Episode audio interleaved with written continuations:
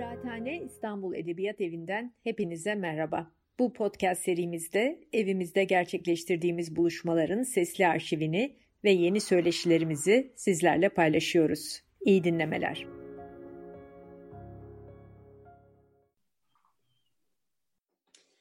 Herkese e, merhaba İstanbul e, Edebiyat Evi'nden, Kıraathane'den merhaba diyelim. E, bu akşam bizim genç okurlar, genç yazarlar atölye ekibi olarak pandemide ilk canlı e, online e, dışarıya açık etkinliğimiz çok heyecanlıyız. Bu akşamki konuğumuz Kemal Varol. E, hoş geldiniz Kemal, nasılsınız? Teşekkür ederim. Siz nasılsınız? Ben de iyiyim, çok teşekkürler. E,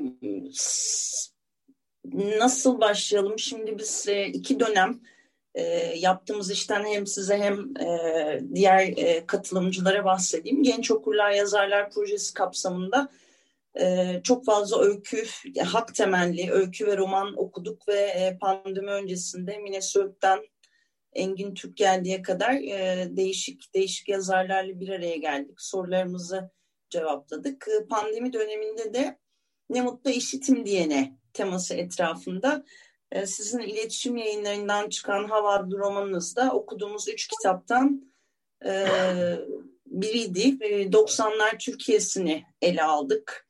E, Kürtlerle, Ermenilerle ilgili e, makaleleri, hikayeleri, e, bir takım e, şahsi tanıklıkları diyelim e, ele aldık ve bunlar üzerine e, üretmeye çalıştık. İşte dilin yasaklanması ya da başka tür e, ötekileştirme üzerine diye kabaca e, söyleyeyim. Onlar üzerine çalıştık e, ve bugün buradayız. Serkan bir şeyler ekler mi? Kötü bir giriş ben... yaptım. ee, evet böyle uzaktan olmasına rağmen koşulların da yaptığı uzaklık var maalesef. Uzaktan olmasına rağmen, online olmasına rağmen oldukça güzel metinlerle karşılaştık. Mesela e, bir felsefi metin okuduk bu vesileyle. Uzunca bir e, novella diyebileceğimiz fantastik bir öykü okuduk. Yine diğer katılımcılardan gelen ve hala birkaç içinden beklediğimiz güzel öykülerimiz var. E, oldukça verimli bir dönem atlattığımıza inanıyorum ve katılımcıların da e, şu özellikle Kürt meselesine tabii ki tamamen e, işi politik, politize etmeyeyim ama at gözlüklerimizi biraz daha böyle çıkardığımıza inanıyorum. Özellikle Hav kitabını da okuduktan sonra. Ee, direkt Hav'dan devam edelim ben derim aslında. Ne dersin? Evet. Önce biz mi başlayalım yoksa kızlardan e, size ne gerek var? Bizim sorularımız hazır biz başlarız der misiniz? Güneş ya da Berivan başlar mı acaba? yoksa biz mi ısıtalım ortama? Ben isteyeyim Baştan girin bence. Biz ısıtalım ortamı pekala. Şey, ben e, başlayayım mı o zaman ilk soruyla? Efendim? Beyvan bir şey söyleyecekti sanırım ama. Ya şey diyecektim, e, benim birkaç sorum var ama e, önce siz sorun isterseniz ben sonradan sorarım. Yo hayır, öncelik sizin. Sizin sormanız daha önemli. Buyur. Evet, tamam. Ee, biraz heyecanlıyım kusura bakmayın. Ee, şey özellikle bizim gibi ülkelerde e, edebiyatın peşini bırakmayan toplumsal meseleler var. Evet. Ee, bu meseleleri alırken yazar, özellikle ayrımcılığa uğrayan, e, görülmeyen, görülmek istenmeyen kesimlerin seslerini okura nasıl ulaştırmalıdır? Hani nasıl bir dil ve bakış açısıyla bakmak gerekiyor? Ee, bir sorum daha var. Ee, sizce yazar e, bir romanı yazarken kendi düşünceleri ve ön yargılarıyla nasıl yüzleşebilir? Yazar yazdığı hikaye ve kendisiyle e, arasına bir mesafe koymalı mı? Koyacaksa da nasıl bir mesafe olmalı bu? Önce istersen toplumsal meselelerle ilgili bölümle ilgili bir şeyler söyleyeyim size. size. Birkaç gün önce yani böyle e, işte son romanla ilgili de bazen tıkandığım dönemler uzun yürüyüşlere çıkıyorum. Ee, ve romandaki bir yine politik bir meseleyle ilgili bir şey bulmam gerekiyordu ve bunun aslında bana ne kadar büyük bir yük olduğunu fark ettim. Ee, ve e, ömrü boyunca e, yazdıkları kitaplarda, eserlerde böyle politik dertleri e, bulaşmamış, böyle bir derdi olmamış e, yazarların aslında ne kadar şanslı olduklarını hissettim ve ya gerçekten bütün kalbimle söylüyorum onlara çok imrendiğimi fark ettim. Bütünüyle edebiyattan ibaret, tırnak içinde edebiyattan ibaret ama bir bir hayatın ne güzel olabileceğini düşündüm. Ama maalesef bizim gibi ülkelerde yaşayan yazarların her zaman mutlaka politik bir ya da siyasal bir sorumluluğu olması gerekmiyor. Ama bizim muhakkak sırtımızda başka bir takım meseleler de taşımamız gerekiyor ya da bunu vicdanen taşıyoruz zaten. Ve bunu ister istemez yazdığımız edebi metinleri de taşımak zorunda kalıyoruz. Ee, şeye gelince e, ayrımcılığa uğrayan kesimlerle ilgili ben mesela e, bunu e, bütün romanlarımda yapmaya çalışıyorum naçizane. E, örneğin Alevi olmadığım halde e, neredeyse bütün romanlarımda Alevileri, Ermenileri ya da toplumun çeşitli yani bazen bu dindar bir kesim de olabiliyor. Yani 90'lı yıllar anlattığım bir kitapta başörtüsü yüzünden sıkıntı yaşamış bir kadını da e, anlatabiliyorum. Mesele e, gelip her seferinde vicdan meselesinde düğümleniyor. Yani benim topluma bakarken e, hissettiğim şey, e, kendi ideolojik konumlanışım, konumlanışımın dışında e, vicdanımın e, bana e, fısıldadıkları, e, benim öne çıkarmam gereken kim meseleleri romanlarımda e, anlatmaktan geri durmuyorum. Peki son soruna geleyim. Yani bütün bunları yaparken kendi ön yargılarımla nasıl baş edebiliyorum? Bunun galiba benim kendi pratiğimde en önemli e, örneği Hav'dı. Hav'ı yazarken yaşadı, yaşadığım e, gerilimdi. E, ben Hav'ı aslında üç kere yazdım. Yani üç farklı biçimde yazdım. E, ilkinde bir askerin gözünden yazmıştım Hav'ı ve e, romanın yani yarısını geçip sonlara doğru artık neredeyse gel, geldiğimde bu kitabın aslında bütün o bakış açısının bana yetmediğini fark ettim. Ee, anlatıcımı tamamen değiştirip hikayeyi başka bir şekilde kurdum. Ee, bu sefer e, oradaki e, savaşın başka bir e, veçesi, bir ya başka bir yerdeki başka bir kişiyi alıp e, karşısındaki bir insanı alıp savaştığı insanı alıp konuşturmaya çalıştım ama aynı sıkıntıyı yine orada da yaşadım. Ee, bu aslında biraz da benimle ilgili bir şeydi. Yani benim e, hem iç sesim hem kahramanlarımın kendi hakikatleri romanın yani bir, bir hakikate varmasına izin vermiyordu. Herkes kendi gerçekliğini yüksek sesle dinlendirmek istiyordu. Kendi haklılığını öne çıkarmak istiyordu. Kendi acılarını öne çıkarmak istiyordu ve bir başkasının çektiği acıyı, bir başkasının yaşadığı toplum travmayı e, örtmeye çalışıyordu, önemsizleştirmeye çalışıyordu. Dolayısıyla tam o anda başka bir şey aramam gerektiğini düşündüm. E, başka bir şey. Bir, bir, bu bir defa e, bu yaşanan toplumsal meseleye doğrudan dahil olmamış birisi olmalıydı e, benim için.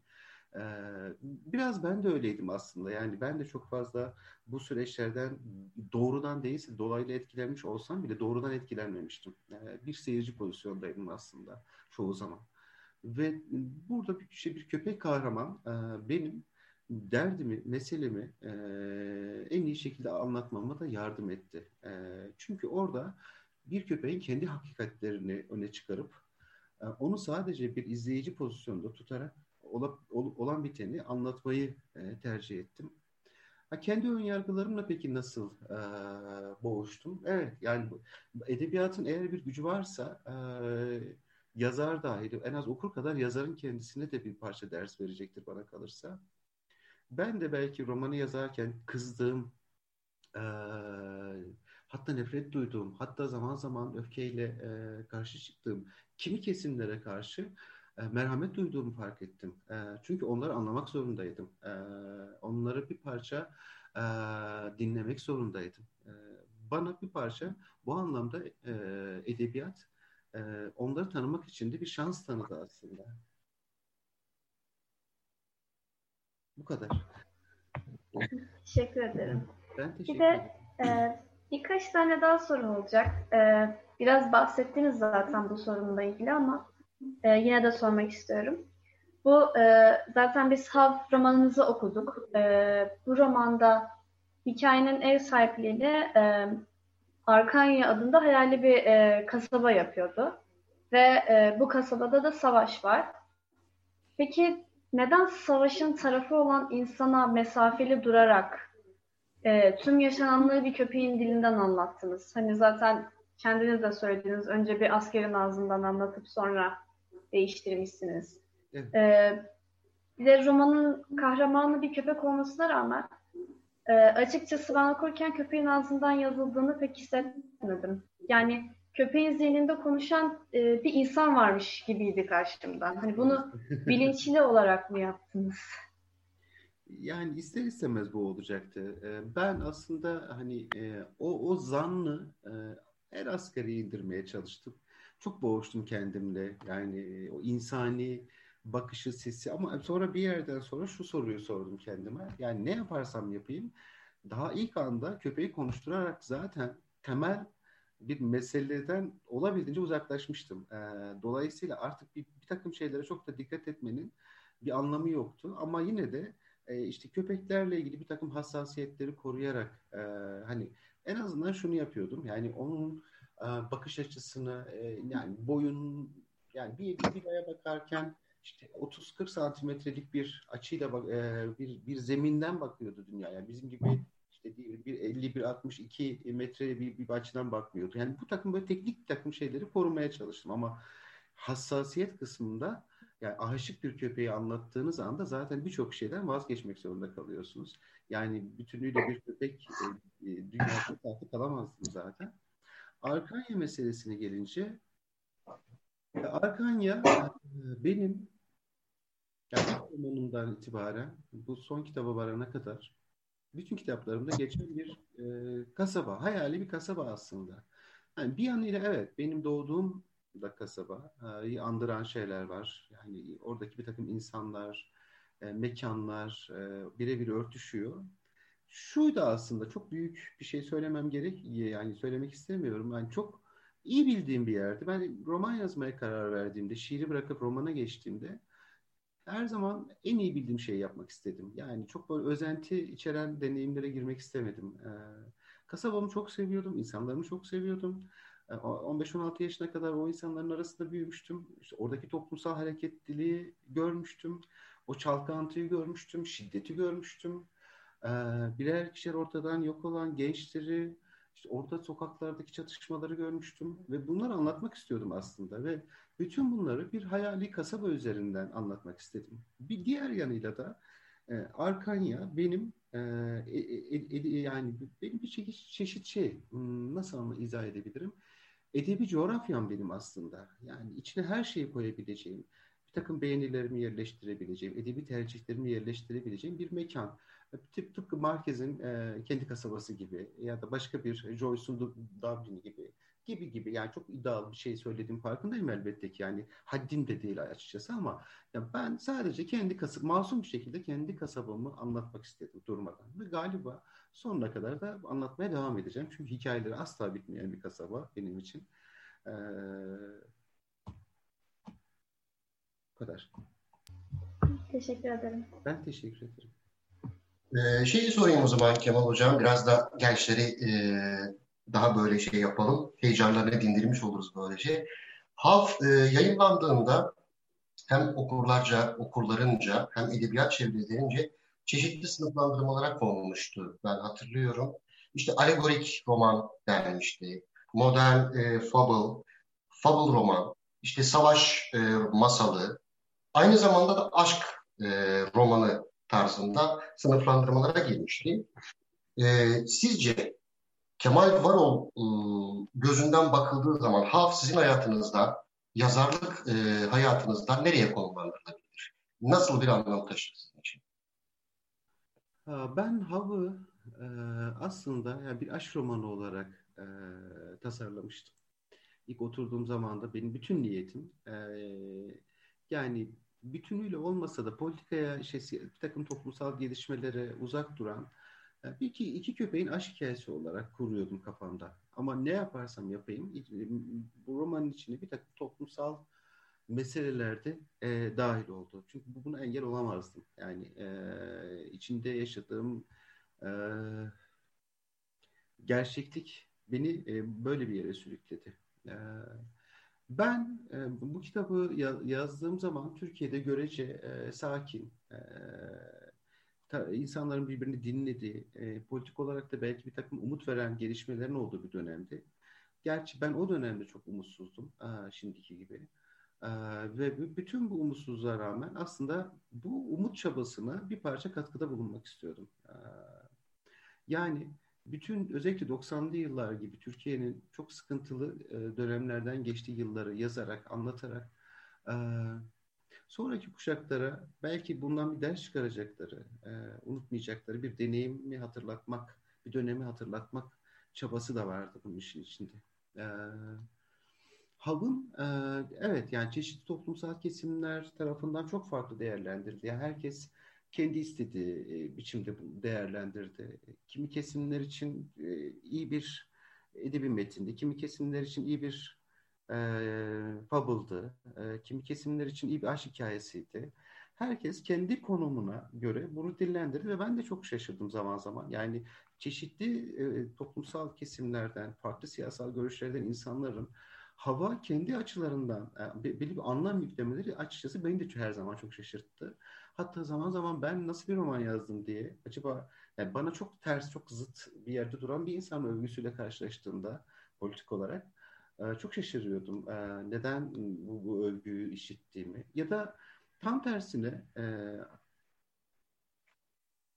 yani oradan buradan diye bir ayrım kurmak istemiyorum ama yani hem içeriden hem dışarıdan diyeyim e, çeşitli eleştiriler alınca e, aslında bir yanıyla da kimseye ikna edemeyeceğim bir roman yazdığımı fark ettim.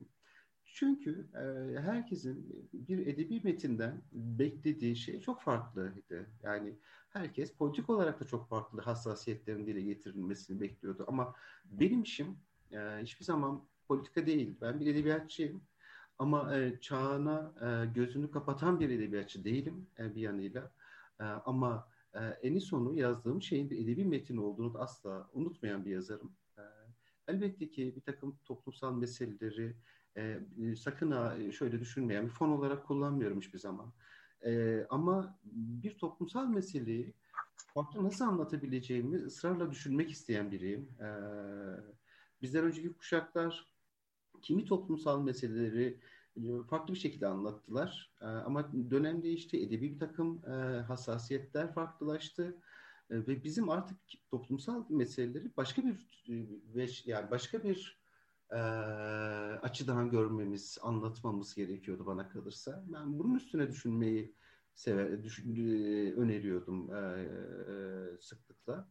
Hal belki de böyle bir çabanın da eseridir. Yani diyelim ki benden önceki kuşaklar e, bu kitapta anlattığım toplumsal sorunları dümdüz bir şekilde anlattılar bana kalırsa. Yani olan biteni hiçbir e, edebi bir şeye bulaş, e, sığınmadan, bir takım e, edebi çareler de aramadan sadece anlatmayı yeterli gördüler. Ama anlatmak tek başına edebi, e, yeterli olmayan bir çaba bana kalırsa.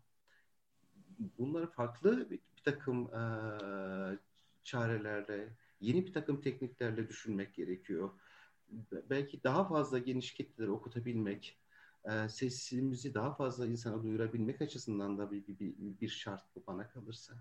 Belki de yanılıyorumdur bilemem. Yo bence az önce söylediklerinizi ben çok katılıyorum. Derste de sanıyorum yanlış hatırlamıyorsam bunu konuşmuştuk.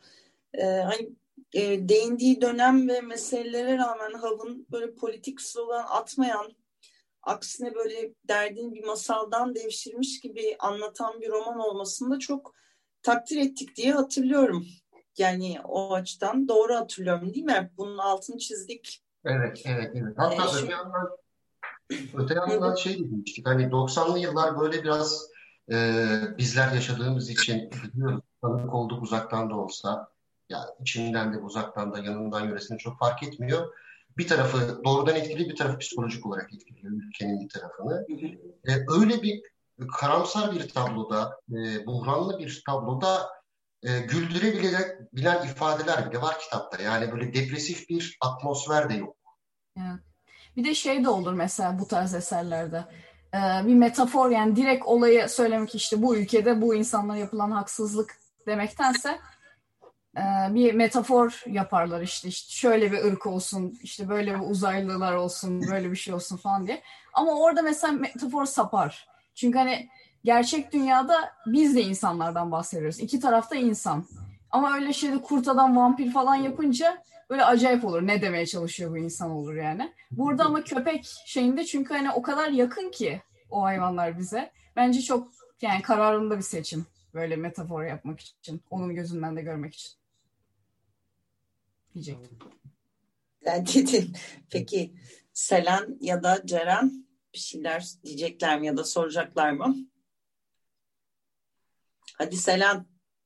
Aslında benim pek sorum yok ama böyle kafama birkaç şey oldu. Ee, mesela bu sizin de zaten e, gelen eleştirilerden bir tanesi neden bir köpek gibi değildi e, ve biraz önce de açıkladınız. Ben okurken ona çok takılmıştım başta ve e, bir taraftan da ne yazabileceğimi düşünüyordum. Çünkü öykü yazmayacağım, felsefi bir şey yazacağım. Hani buradan bir düşünce diye düşünüyordum ve böyle hayvan olmasını falan görüyordum kafamda ama bir noktadan sonra e, beni ikna ettiniz. Yani kitabın ortalarına doğru dedim ki ya tamam bu zaten böyle olması gereken bir şeymiş ve e, ben de çok kararında olduğunu düşünüyorum. Fakat sonrasında yine aklıma başka bir şey daha geldi. Ne eğer e, her şey bu kadar bir köpeğin gözündense e, hani belki bir insanın gözünden olsa hani illa oralı bir insan olmak zorunda değil.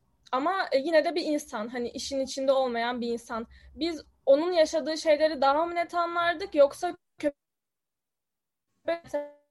çünkü köpek olduğu zaman e, biraz böyle okurken zaman zaman işte belki daha az etkilenir. Belki işte bir insan olsaydı mesela işte askeriyede daha fazla etkilenirdi gibi düşüncelerim oldu. O yüzden bu tam olarak bir soru değil.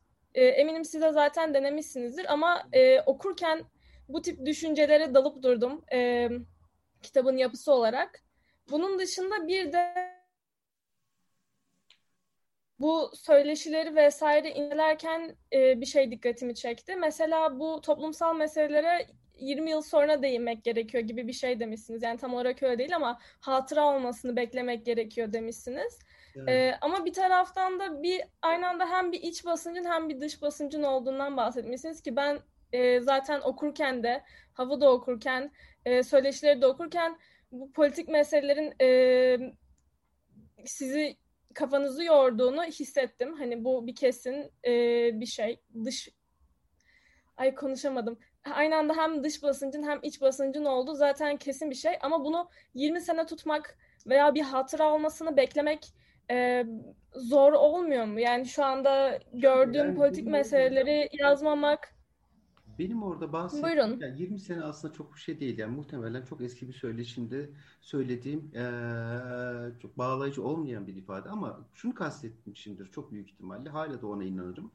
Ben günceli yazmanın çok tehlikeli bir şey olduğuna inanıyorum. Ee, yani bir olay henüz sıcaklığını yitirmemişken, çok tazeyken yazıyor olmak e, bir takım riskleri de taşıyor olmaktır bana kalırsa. Yani bütün bu, bu tehlikeyi e, sırtlıyor olmaktır. Ki ben bu anlamda çok az roman okudum. E, hani günceli yazıp da bütün bu tehlikeleri bertaraf edebilmiş. Çünkü bir takım özellikle toplumsal meselelerin e, biraz küllenmesi, olaya biraz daha geniş bir çerçeveden bakmak, kendi bakış açımızda değil, kendi durduğumuz politik e, konumla değil, e, daha yükseğe çıkıp belki biraz daha yükselip bütün her şeyi ayrıntılı görebileceğimiz bir zaman dilimi e, bize daha nitelikli sonuçlar verecektir bana kalırsa. Ben buna inanan biriyim. Yani işte iki, bir hafta önce diyelim ya da bir yıl önce bir, bir toplumsal bir olay yaşandı ve biz bunu hemen edebiyata taşıyalım. Bunun tehlikelerine dikkat çekmek istemişimdir çok büyük ihtimalle. Basınç derken ben e, yani kendim bildiğim biriyle Diyarbakır'da yaşıyorum. Yani iç basınç derken buradaki e, basınçtan bahsediyorum. D- dış, dış basınç derken de Türkiye'nin geri kalanından bahsediyorum. Çünkü ben e, biraz talihsiz bir ara bölgede e, yaşamaya yazgılı hissediyorum kendimi. E, batı'ya gidince e, hep buranın meselelerini anlatan bir yazar olarak görüldüğümü çok iyi biliyorum. Bana böyle bakıldığını hissediyorum. Bunun ağırlığını üzerimde taşıyorum. Burada da yaşarken e, sanki batıya yaranmaya çalışan, e, uzağa yaranmaya çalışan bir yazar olarak algılanıyorum. Ve dolayısıyla bütün yazacaklarımı çok büyük böyle dikkatle, hassasiyetle, o gerilimi hep üzerimde taşıyarak e, rahat bir şekilde e, yaşadığım söylenemez. E, yazdığım da söylenemez bu açıdan. Ama bazen de o basıncın bana çok yaratıcı çözümler sunduğunu da hissediyorum. Bunun avantajım olduğunu fark ediyorum. Yaşarken çok zorlandığım bir mesele bu ama yazarken belki de e, avantajını e, gördüğüm bir sorun bu.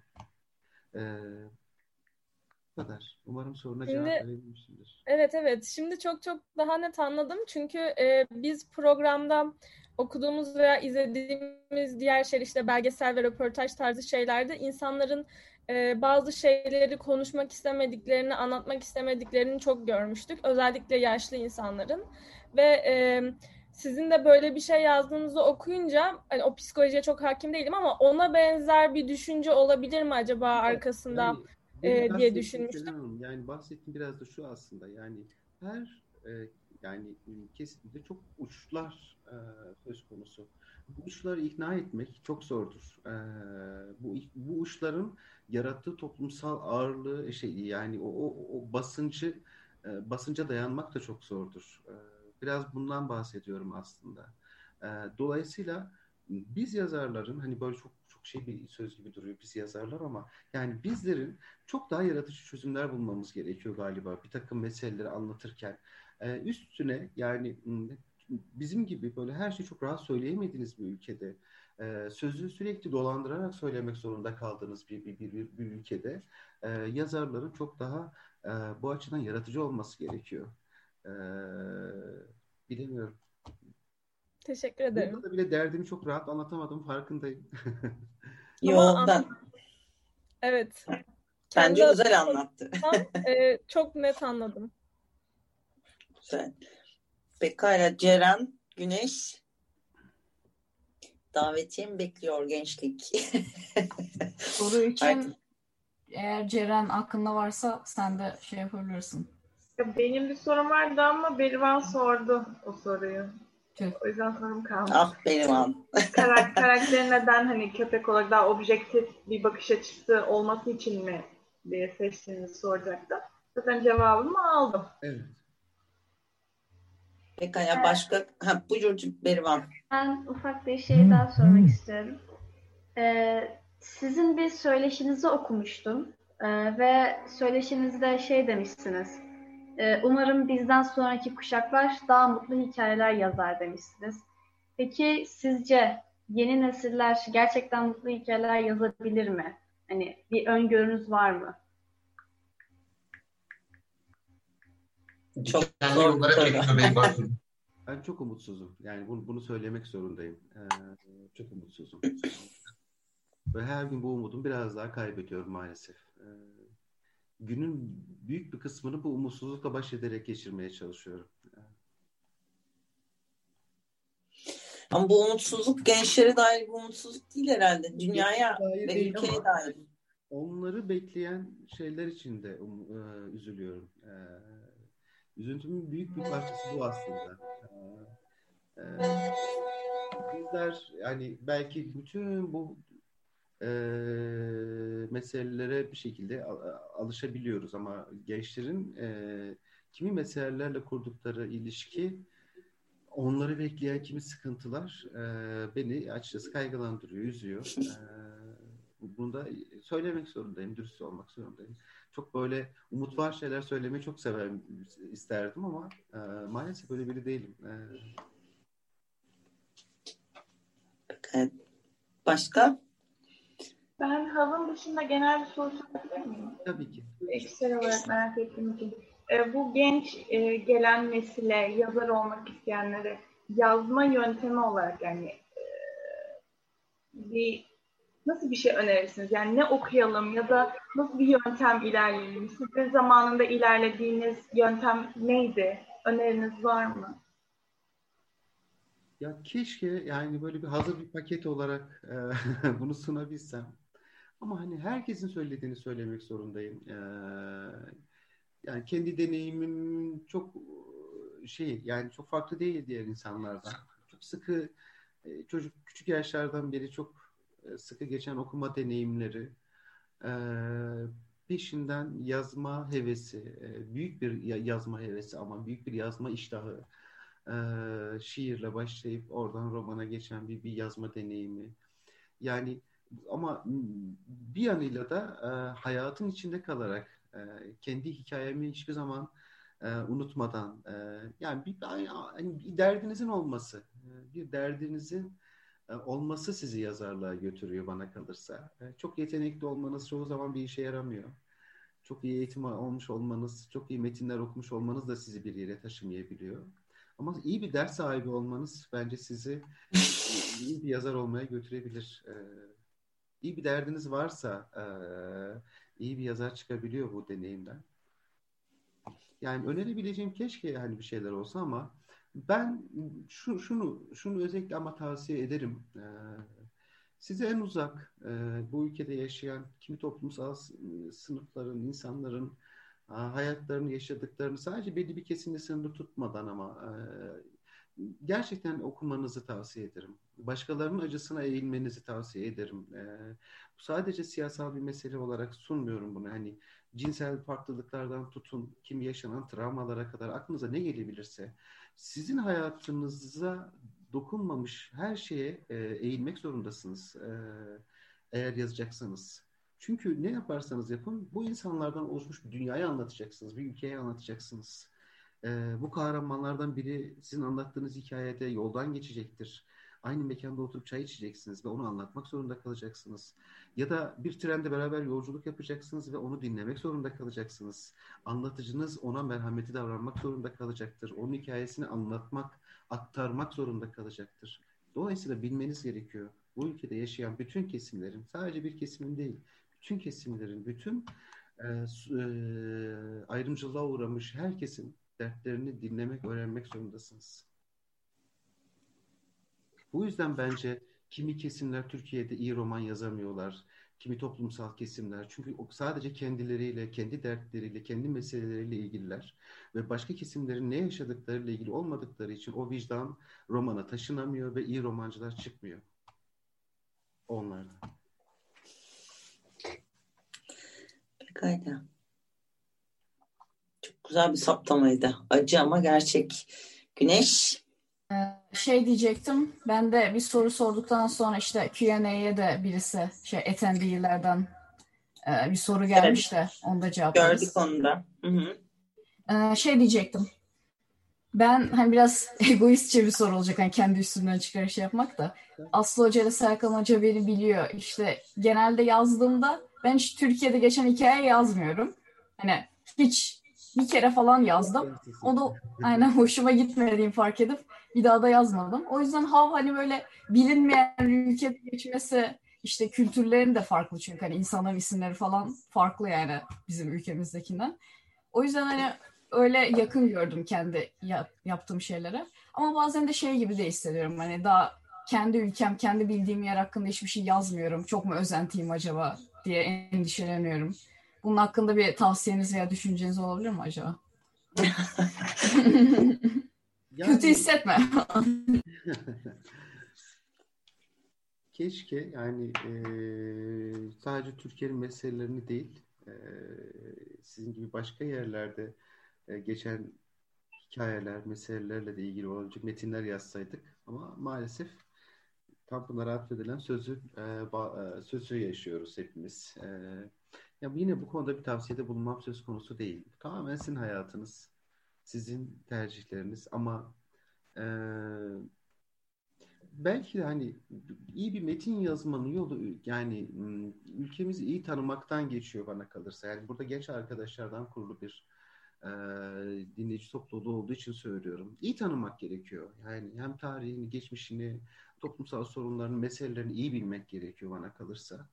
E, bildiğiniz şeyi iyi aktarabiliyorsunuz sonra. E, olaya bir takım farklı e, açılardan bakmanız gerekiyor.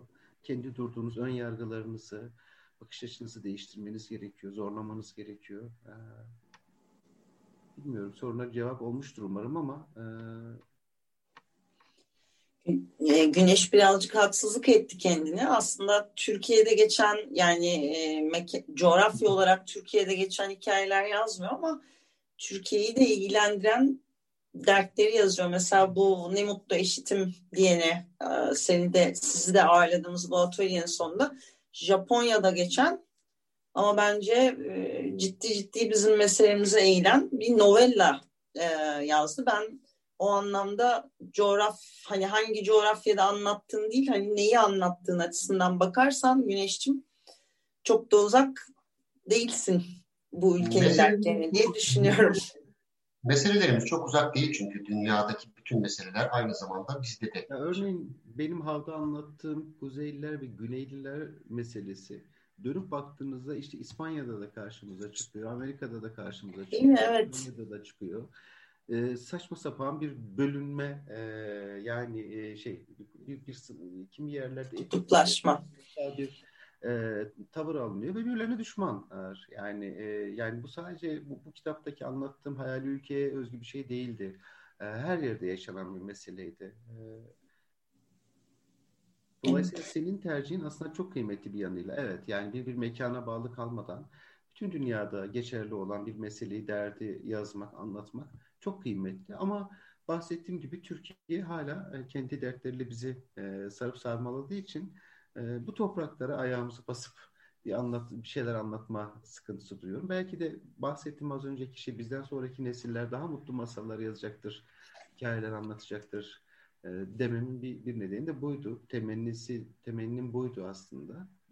Umarım senden de güzel e, metinler okuruz Güneş. Peki pandeminin e, nasıl bir etkisi oldu e, yazarlığınıza? Kimi çok üretkenleşti bazı yazarların, kimi kalemi kağıdı bir kenara bıraktı, iyice umutsuzluğa kapıldı. Ya da meselelerini değiştirdi, değiştirenler var. İşte ekolojiydi vesaireydi gibi. Benim için çok verimli geçtiğini söyleyemem. Ee, biraz şahsi e, sıkıntılarla geçti. Ee, e, onlarla, hastalıklarla e, boğuşmam gerekti büyük bir kısmında. Dolayısıyla okumaya ve yazmaya çok az zaman ayırabildim.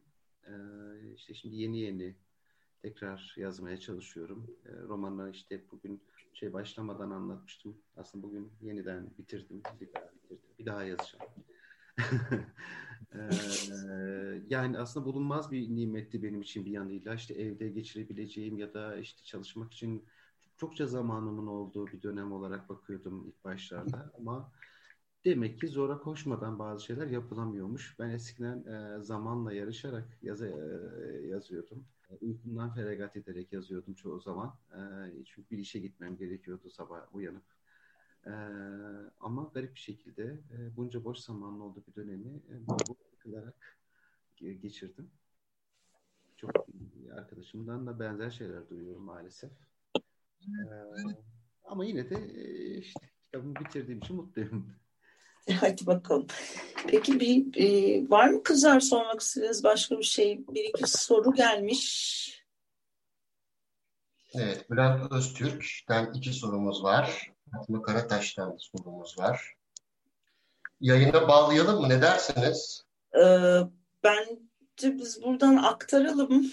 Tamam. Bülent Bey'in ikinci sorusu e, şey yapalım. E, didaktik olmaktan yani tabii bu soru güzel bir soru ama Kemal e, Varol'u ne kadar bağlayan bir soru onu emin değilim ama genel bir yazara e, sormak anlamında iletebiliriz diye düşünüyorum. Didaktik olmaktan sürekli kaçmak gerektiği söylenir demiş e, Bülent Öztürk. Ama neredeyse tüm romanlarda yaşamın felsefesi öyle anlatılıyor ki metinleri esasen biraz da öğretici fanzinlere çevirmiyor mu demiş biraz büyük bir genelleme olmuş sanki. Ee, ama Kemal bir şey söylemek ister yani, misiniz? Katılıyor musunuz bu görüşe? Benimle ilgili sormuyor bu soruyu. Ee, Değil mi? Evet. Biraz. İlgili bir soru olduğunu zannetmiyorum. Ee, çünkü böyle bir tercihim söz konusu değil bana kalırsa. Hı hı. İkinci soruya bakabilirim. Tabii. Ayrıca neredeyse tüm romanlar genellemesi biraz gerçekten büyük ve iddialı bir genelleme e, olmuş. Didaktik bir taraf benim e, kitaplarımda bence söz konusu değil. Aslında bunlar değil, evet. Bülent Bey başka bir şeyden bahsediyor zannedersem. Ee, genel belki başka ha, romanlar. Genel bir yazarlık derdi. Evet. Yani. Fatma Hanım'ın so- şeyini de Serkan'a bırakayım.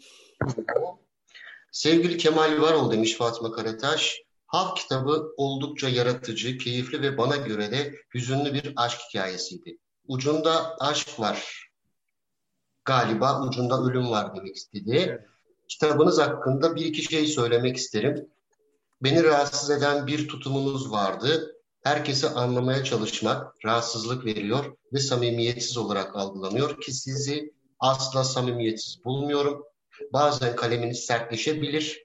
Dik durmak her zaman iyidir sevgiler demiş. Ne demek istersiniz?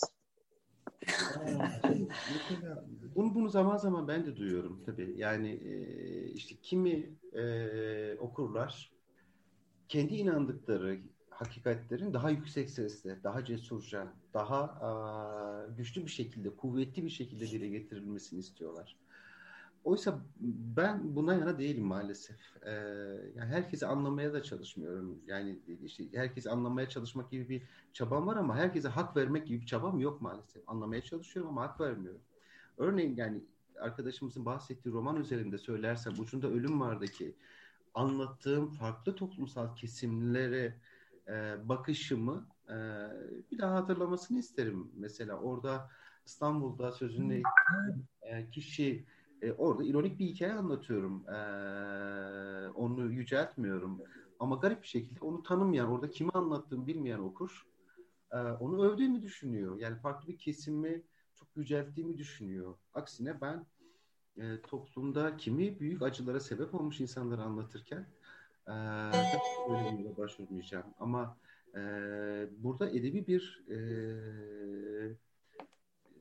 kıstası da devreye sokmak zorundayım. Yani bir, bir edebi bir, bir bir yol bulmam gerekiyor. Diyelim ucunda ölüm var da ironiyi tercih etmişimdir bu, bu bölümlerde. işte İstanbul'daki kahramanı anlatırken mesela oradaki kahramanın ironik bir e, yapıya sahip olduğunu anlayabilirsiniz, anlayamazsınız.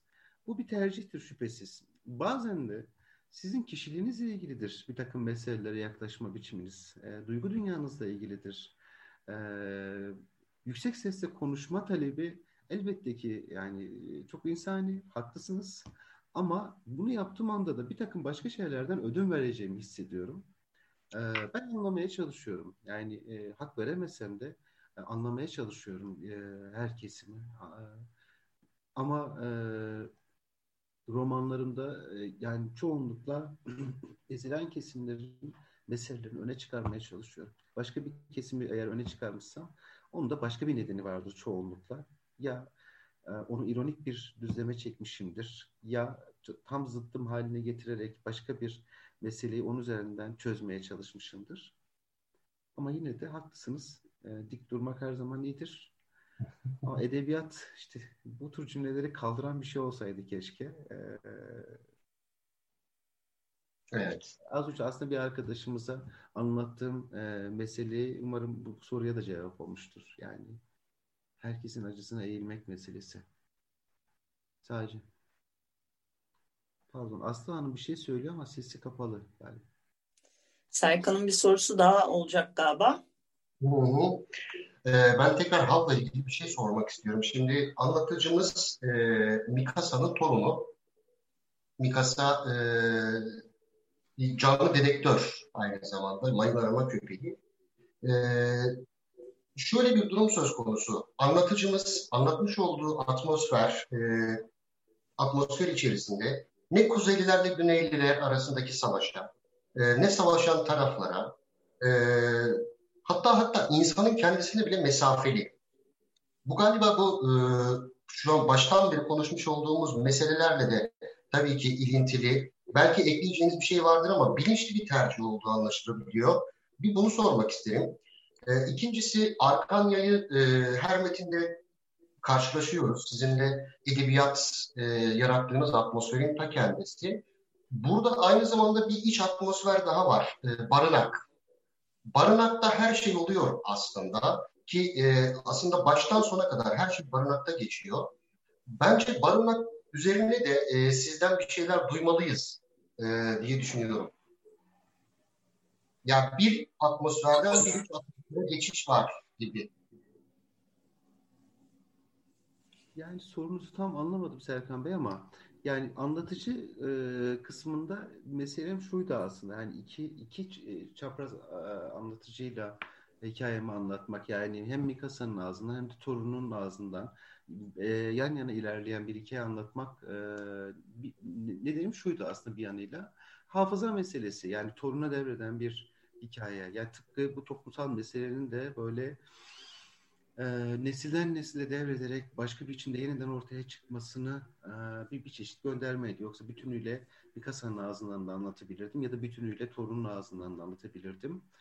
O, o, o hafıza meselesini birazcık bunu anlatıcılarımı arttırarak aslında bir de biliyorsunuz ben çoklu anlatıcıları seven bir yazarım. Yani her kitabımda birden fazla e, anlatıcıya söz hakkı tanıyarak bazen çok fazla e, e, hikayeyi aynı anda e, sürdüren ve bunu seven bir yazarım.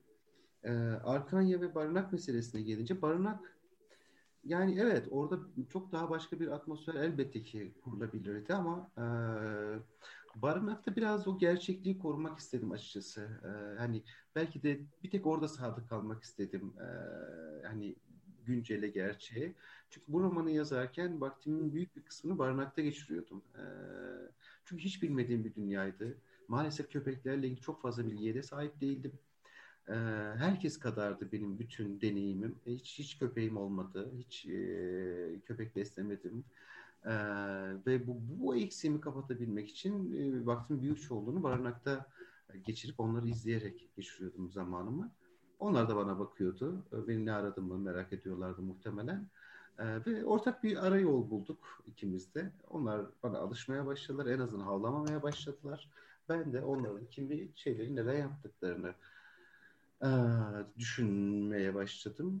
E, atmosfer yani o atmosfer evet daha da koyultulabilirdi. Ama işte e, ortaya hav çıktı. E, kitap bitti. E, keşke bazen yani bazı kitaplara dönme isteği taşımıyor değilim. E, devamını yazma ya da yeniden ele alma. Hayat çünkü bir takım e, meseleleri herkese yeniden düşünme imkanı veriyor ama bu adımı atamıyoruz. E, kim bilir belki bir gün hani çok yorulduğumda yazacak bir şey bulamadığımda ya da belki toplumsal olarak o baskı üzerinde hissettiğimde yeni hikayeler anlatamadım, anlatamayacak hale geldiğimde ya da ya da çok çaresiz olduğumda yeniden söz almak istediğimde kimi meselelerle ilgili döner o barınağın e, veya Mikasa'nın torununun hikayesini anlatırım. Evet. Çok güzel. Peki Efe Ersoy'un bir e, sorusu var. Onu da iletelim mi? Chatten göndermiş. E, merhaba diyor Efe Ersoy. Türkiye'de azınlık kadın ve hayvan olmayacaksın lafı söylenir. Bir ezilen kesim maalesef diğer ezilen kesimin halinden anlamıyor. Hatta en çok biz acı çekiyoruz yarışına bile giriliyor demiş. Hakkı yenen farklı kesimler bile dayanışmıyorsa nereye varacak bu gidiş? Eyvah. Kim bilir?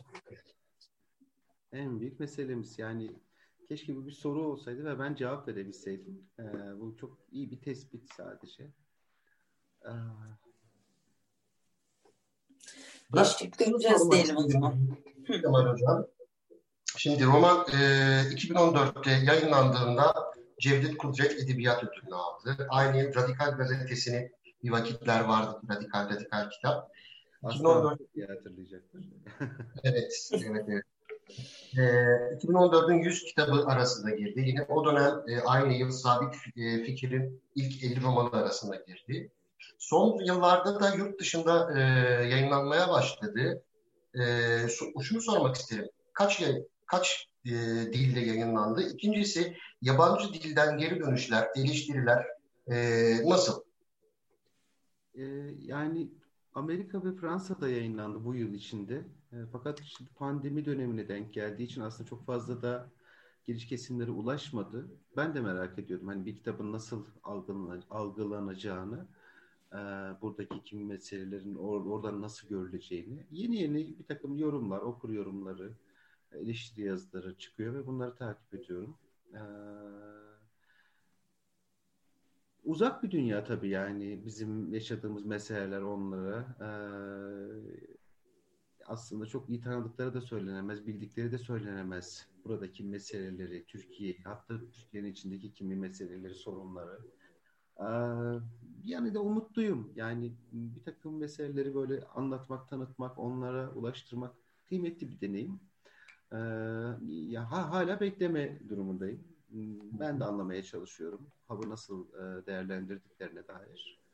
Ee, ama çok da e, tanıdık bir dünya olmadığını söyleyebilmeliyim. Onlar biraz daha çok galiba işin köpek kahraman kısmıyla ilgililer. E, seviyorlar onu. Böyle bir beklentiyle kitaba ilgi söz konusu ama sonra kitabın içine girince bilmedikleri başka bir e, toplumsal meseleyle karşılaşıyorlar. Umarım bu da vesile olur. O toplumsal meselelere ilgilerini arttırır. Umarım. Pekala başka sorusu olan var mı? Selen, Berivan, e, Güneş, Zeynep. Yoksa?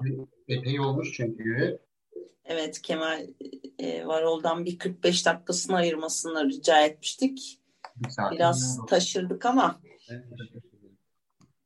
Başka sorunuz yoksa Kemal Varol'a teşekkür edelim. Ee, inşallah başka bir roman vesilesiyle yüz yüze e, görüşme, tanışması daha uzun uzun, daha rahat rahat e, sohbet etme imkanımız olur e, diyelim. Diyeyim ben daha doğrusu. Serkan kapatsın. Evet, ben, ben de aynı temennileri e, dile getirmiş olayım. E, çok teşekkür ederiz. E, Ağzınıza sağlık. Ağzınıza sağlık. Uzun süredir e, yapmış olduğumuz atölyeyi bu şekilde finalle erdirmek elbette bizim için de çok keyifli oldu. Var olun, sağ olun. Çok teşekkür ederim inceliğiniz için. Genç arkadaşlarıma da e, başarılar diliyorum. Umarım bir gün onların da metinlerini okuma e, şansına erişiriz. Çok teşekkürler. Çok zarifsiniz.